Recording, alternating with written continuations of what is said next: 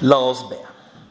Himmelske Fader, nå ber vi deg ved din kjære sønn Jesus Kristus at du må la Din Hellige Ånd lyse opp våre hjerter og vår forstand, så vi klart kan se og forstå det du vil tale til oss i ditt ord. Amen. Alt er egentlig gærent med dette møtet ved brønnen. At Jesus, en jøde, som anså samaritanerne som det mest forkastelige av folkeslag, skulle be henne om drikke. Det stemmer bare ikke.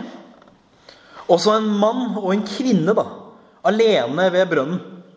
Ikke var de gift, og visst heller ikke i slekt. Hva skulle vel folk tro? Og så er det mye som tyder på at kvinnen hun var nok kanskje av det slag at hun for lengst hadde gitt opp å bry seg om hva folk snakket, tenkte og trodde. For på Jesu forespørsel om at hun skal hente mannen sin, så kommer sannheten for en dag. Hun har hatt fem menn, og hun holder seg nå enda til til en sjette. Ingen av dem har vært ektemannen hennes. Hun har gitt opp å bry seg om hva folk mener. Men for å unngå bygdesnakket og hviskingen til de andre kvinnene, så kommer hun alene til brønnen midt på dagen i stekende sol. Hun venter nok ikke å møte noen, men når hun kommer, sitter Jesus der. Så sitter de der, jøden og samaritaneren, mannen og kvinnen. Jesus Kristus og kvinnen som i hele sitt liv har levd i opposisjon til budene. Når Jesus tilbyr kvinnen det levende vann, så er forståelsen hennes i første omgang pragmatisk. Hun vil gjerne ha dette vannet, så hun slipper å komme til brønnen mer. Alene. Hver dag. I stekende hete. Hun vil gjerne slippe det. Men i sin pragmatikk så blir hun sneversynt. Og hun blir blind for den virkelige velsignelsen som Herren tilbyr. Og sånn tror jeg at det ofte er også i våre liv. Hvor ofte vet vi vel ikke gjerne om de velsignelser Herren vil gi oss. Men i hverdagslig pragmatikk blir vi blinde for dette. Vi glemmer at vi er åndelige mennesker skapt av en Gud som i sannhet er ånd. Vi er skapt til å tilbe Ham i ånd og sannhet. At dette er vår dypeste grunn og mål. Men vi glemmer det. Og i stedet for å leve i de åndelige velsignelser Gud har gjort rede for oss, så søker vi det verdslige. Det er ikke så rart. Det er en del av vår fordervelige natur. Vi mennesker vi søker komfort, rikdom og ting. Vi vil gjerne ha det godt. Og vi drister oss kanskje til og med til å se Gud som en snarvei til dette. Himmel og jord er jo i hans hånd. Han kan gjøre alt vi ber ham om. Nå skal det sies at Å be Gud om hjelp i hverdagslige vanskeligheter, det er ikke galt i og for seg. Absolutt ikke. Men det finnes de i verden i dag som kaller seg kristne, som hevder at materiell velstand og rikdom er et tegn på Guds velsignelse. Og dette er en alvorlig feiltagelse. Gud selv og frelse for vår sjel, det skal være nok for oss. Bibelen er tydelig på at materiell velstand ikke nødvendigvis er godt. Den rike, unge mannen, han bes selge alt han eier. Han har holdt alle budene. Det er dette han mangler. Og Kristus selv sier 'salige er de fattige'. Det advares mot rikdom, fordi det ofte er i vår rikdom at vi bryter det første bud. Pengene blir vår Gud. Rikdommen blir vår Gud. Det er pengene at vi stoler på at skal gi oss alt godt, og ikke Han som virkelig gir oss alt godt. Men Gud, han vil med velvilje gi oss av sin uendelige åndelige rikdom. Dette er en rikdom som aldri tar slutt. En rikdom som bare gir mer og mer. Og som vi aldri vil savne noe av. Det er jo det levende vann Jesus snakker om. Men hva for vann er dette? Hvilket vann er det snakk om? Det gode, salige vann som langt overgår de velsignelser vi kan få av vanlig vann. Vi vet av erfaring at vann er helt vesentlig for menneskers liv. Uten vann så dør vi. Og det tar heller ikke lang tid. Våre kropper trenger vann for å ikke tørke ut. Og det holder ikke å drikke én gang. Nei, vi må drikke hver dag opptil flere ganger. Og slik må også våre sjeler drikke. Våre sjeler trenger vann like mye som våre kropper. For ikke å tørke ut må vi stadig få i oss litervis av de livgivende, salige vann. Det er det levende vann som Jesus vil gi oss. Og ikke nok med det, når Jesus først en gang har gitt oss dette levende vann, da trenger vi ikke daglig gå lange, farlige veier for å finne fram til kilden. Nei, når Jesus først gir oss dette vann, da sementerer det seg i dypet av vår sjel som en uuttømmelig kilde som aldri slutter å gi liv. Det slutter aldri å gi liv. For den som drikker dette vann, så blir det en kilde som bryter fram. For den som drikker dette vann og har denne kilden i seg, blir det til salighet og evig liv. Hva dette er, hva det er Kristus taler om her, det er egentlig ganske tydelig. Det er jo selvsagt den, hellige, velsignede dåp. Hva annet kan det være? Jesus han taler ikke billedlig. Han sier det tydelig 'Jeg vil gi levende vann'. Det blir en kilde. Vi kjenner ikke til noe annet enn dåpen som er vann for våre sjeler. Og det er jo Kristus selv som gir oss dåpen, og ved Ånden virker gjennom dens vann. Dåpen er virkekraftig. La det være liten tvil om det. Dersom sjelen ikke får drikke, da dør den. Og i den åndelige ørken som er våre liv, da finnes det ingen annen kilde, ingen annen oase med vann enn den Jesus selv gir oss.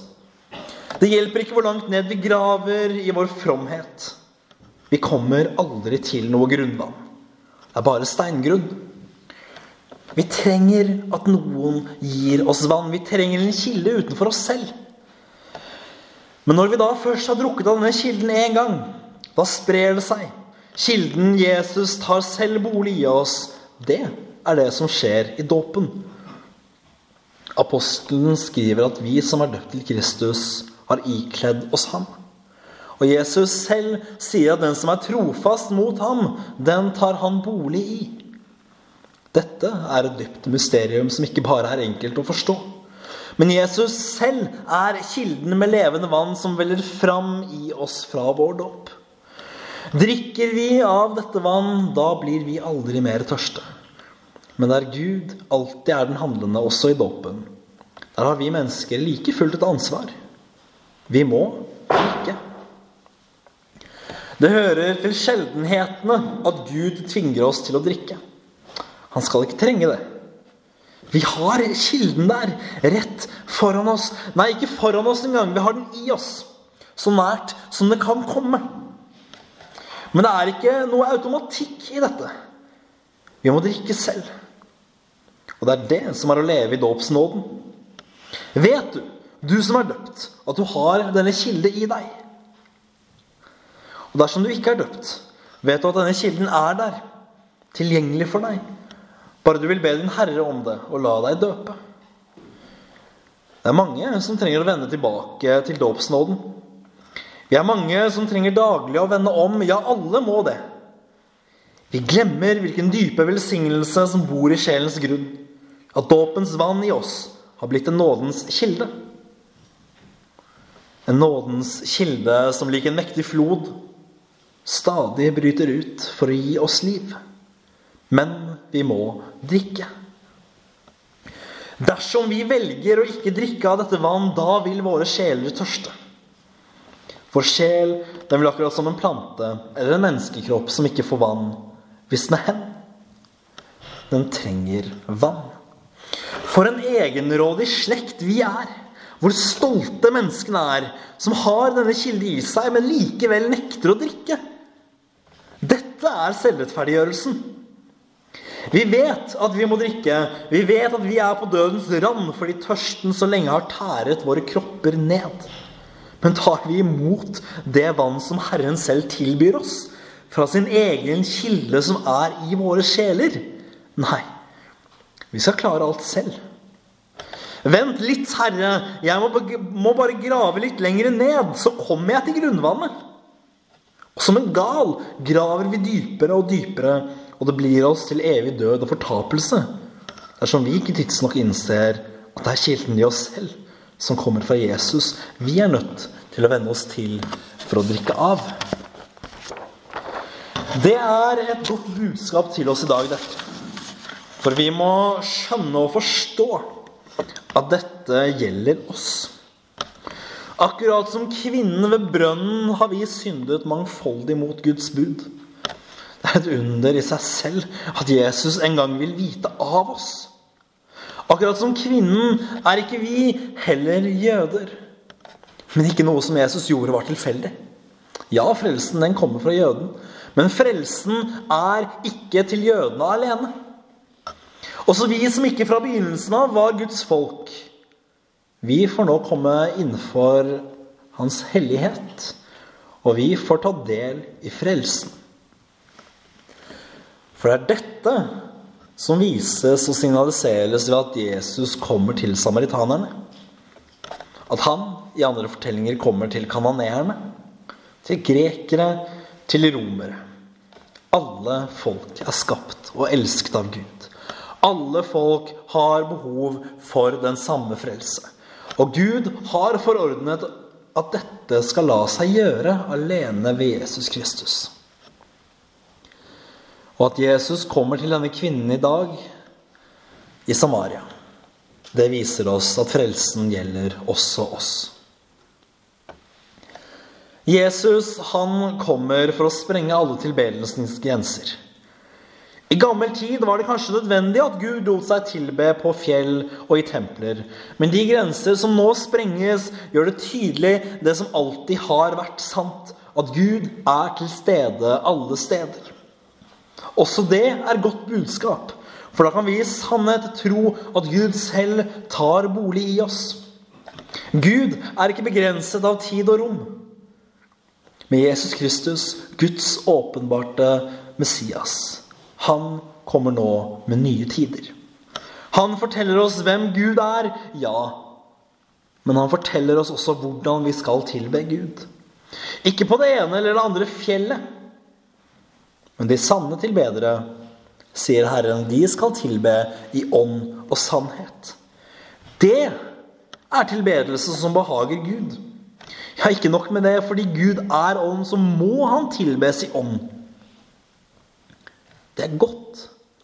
For da vet vi at Gud alltid er tilgjengelig for oss.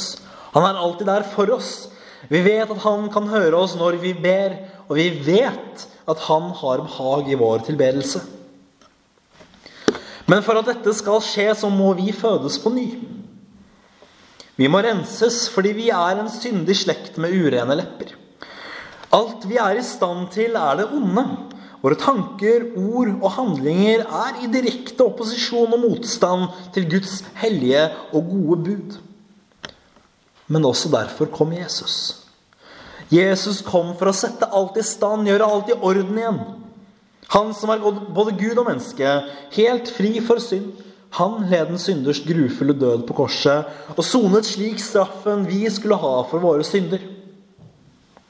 Ved troen på dette får vi del i det offer han gjorde. Vi får del i den frelsen han vant. Hvorfor vegre seg for å ta imot dette? Stolte menneske, venn om fra din synd og gå til Herren. Han er der, og det kan koste deg både alt og ingenting på samme tid. Troens mysterium så lett og så vanskelig. Gå til Kristus, og han vil møte deg. Be ham, og han vil svare deg. Ja, han vil gi. Han vil gi deg av sin kjærkomne og dyre nåde. Kristus har aldri lovet oss at alt i våre liv skal gå vel når vi tror på Ham. Han har aldri lovet oss rikdom og velstand. Men han har lovet oss noe meget bedre frelse for vår sjel. Vi får det levende vann. Vi har det levende vann. Og med det har vi kilden, Kristus selv. Han bryter fram i oss og blir i oss grunnen til evig liv. Vi skal aldri tørste. Vi som har ikledd oss Kristus, skal aldri dø. Ære være Faderen og Sønnen og Den hellige ånd, som var, er og blir, en sann Gud fra evighet og til evighet. Amen.